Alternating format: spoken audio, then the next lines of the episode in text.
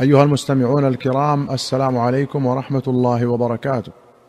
واهلا وسهلا بكم إلى حلقة جديدة في برنامجكم جامع السنة. في كتاب الآداب والتربية باب التواضع وذم الكبر. أخرج مسلم عن ابن مسعود رضي الله عنه أن النبي صلى الله عليه وسلم قال لا يدخل الجنة من كان في قلبه مثقال حبة من كبر. فقال رجل إن الرجل يحب أن يكون ثوبه حسنا ونعله حسنة. قال إن الله جميل يحب الجمال. الكبر بطر الحق وغمط الناس. وفي رواية لا يدخل النار أحد في قلبه مثقال حبة خردل من إيمان. ولا يدخل الجنة أحد في قلبه مثقال حبة خردل من كبرياء. قوله بطر الحق أي دفعه وإنكاره تكبرا وتجبرا. وغمط الناس احتقارهم والاستهانة بهم. وقوله إن الله جميل قال النووي اعلم أن هذا الاسم ورد في هذا الحديث الصحيح ولكنه من أخبار الآحاد. وورد أيضا في حديث الأسماء الحسنى وفي إسناده مقال. والمختار جواز إطلاقه على الله تعالى. ومن العلماء من منعه. قال الإمام أبو المعالي إمام الحرمين ما ورد الشرع بإطلاقه في أسماء الله تعالى وصفاته أطلقناه وما منع منعناه وما لم يرد فيه إذن ولا منع لم نقض فيه بتحليل ولا تحريم. وأخرج مسلم عن عياض بن حمار أن رسول الله صلى الله عليه وسلم قال إن الله أوحى إلي أن تواضعوا حتى لا يفخر أحد على أحد ولا يبغي أحد على أحد. عياض ابن حمار التميمي المجاشعي أسلم قديما وكان صديقا لرسول الله صلى الله عليه وسلم. والعرب ما كانوا يتحاشون عن مثل هذه الأسماء حتى كانوا يسمون أولادهم كلبا وكلابا. وكأن المذكور في الحديث حد للتواضع. فمن افتخر على أحد أو بغى على أحد فليس بمتواضع. وأخرج البخاري ومسلم عن أبي هريرة رضي الله عنه أن رسول الله صلى الله عليه وسلم قال بينما رجل يمشي في حلة تعجبه نفسه مرجل راسه يختال في مشيته إذ خسف الله به. فهو يتجلجل في الأرض إلى يوم القيامة. وفي رواية قد أعجبته جمته وبرداه. وفي أخرى قال سمعت رسول الله صلى الله عليه وسلم يقول إن رجلا ممن كان قبلكم يتبختر في حلة وذكر نحوه. قوله مرجل رأسه أي مسرح شعره.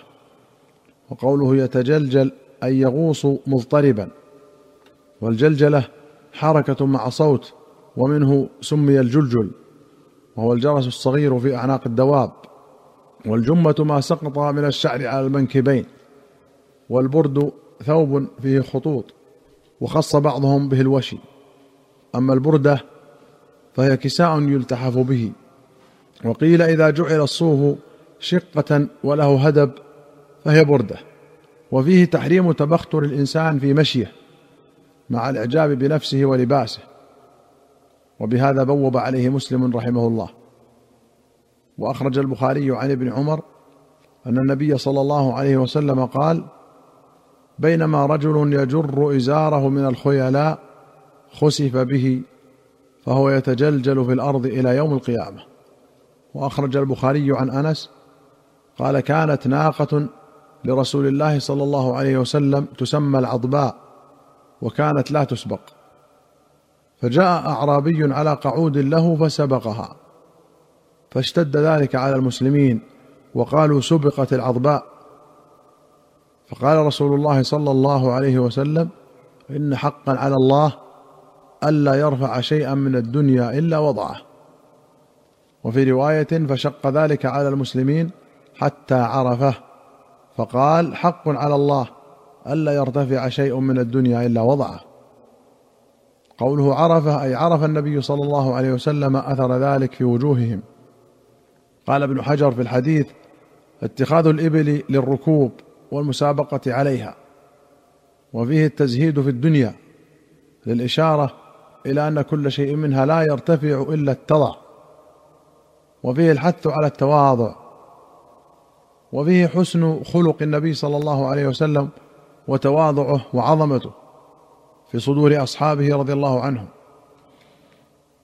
وفيه الحث على التواضع وفيه حسن خلق النبي صلى الله عليه وسلم وتواضعه وعظمته في صدور أصحابه. وأخرج البخاري ومسلم عن حارثة بن وهب أن النبي صلى الله عليه وسلم قال ألا أخبركم بأهل الجنة؟ كل ضعيف متضعف لو أقسم على الله لأبره. ثم قال ألا أخبركم بأهل النار؟ كل عتل جواظ مستكبر ولمسلم كل جواظ زنيم متكبر.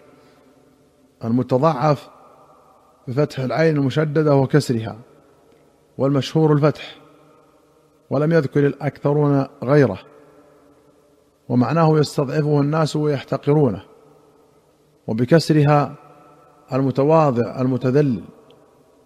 والعتل هو الغليظ الجافي الذي لا ينقاد إلى الخير والجواظ الجموع المنوع. وقيل البدين المختال في مشيته والزنيم الدعي في النسب الملصق بالقوم وليس منهم وقيل هو اللئيم. وأخرج مسلم عن أبي هريرة رضي الله عنه أن رسول الله صلى الله عليه وسلم قال ثلاثة لا يكلمهم الله يوم القيامة ولا يزكيهم ولا ينظر إليهم ولهم عذاب أليم. شيخ زان وملك كذاب وعائل مستكبر. العائل هو الفقير. قال النووي قال عياض سبب تخصيص هؤلاء أن كل واحد منهم التزم المعصية المذكورة مع بعدها منه وضعف دواعيها عنده. وإن كان لا يعذر أحد بذنب لكن لبعدها منهم أشبه إقدامهم عليها المعاندة والاستخفاف بحق الله تعالى وقصد معصيته لا لحاجة غيرها. انتهى مختصرا. وأخرج ابن أبي شيبة وأحمد والبخاري في الأدب والترمذي والنسائي والبغوي رحمهم الله بسند حسن عن عمرو بن شعيب عن أبيه عن جده أن رسول الله صلى الله عليه وسلم قال يحشر المتكبرون يوم القيامة أمثال الذر في صور الرجال. يغشاهم الذل من كل مكان. يساقون إلى سجن في جهنم يسمى بولس. تعلوهم نار الأنيار. يسقون من عصارة أهل النار طينة الخبال. قوله أمثال الذر في صور الرجال قال في مرقاة المفاتيح يعني صورهم صور الإنسان وجثتهم كجثة الذر في الصغار. قال الطيبي لفظ الحديث يساعد هذا المعنى. وبولس بضم الباء الموحدة وسكون الواو وفتح اللام. ونار الأنيار أي نار النيران. والقياس الأنوار لكن قيل الأنيار لئلا يشتبه بجمع النور. أيها المستمعون الكرام إلى هنا نأتي إلى نهاية هذه الحلقة. حتى نلقاكم في حلقة قادمة بإذن الله نستودعكم الله والسلام عليكم ورحمة الله وبركاته.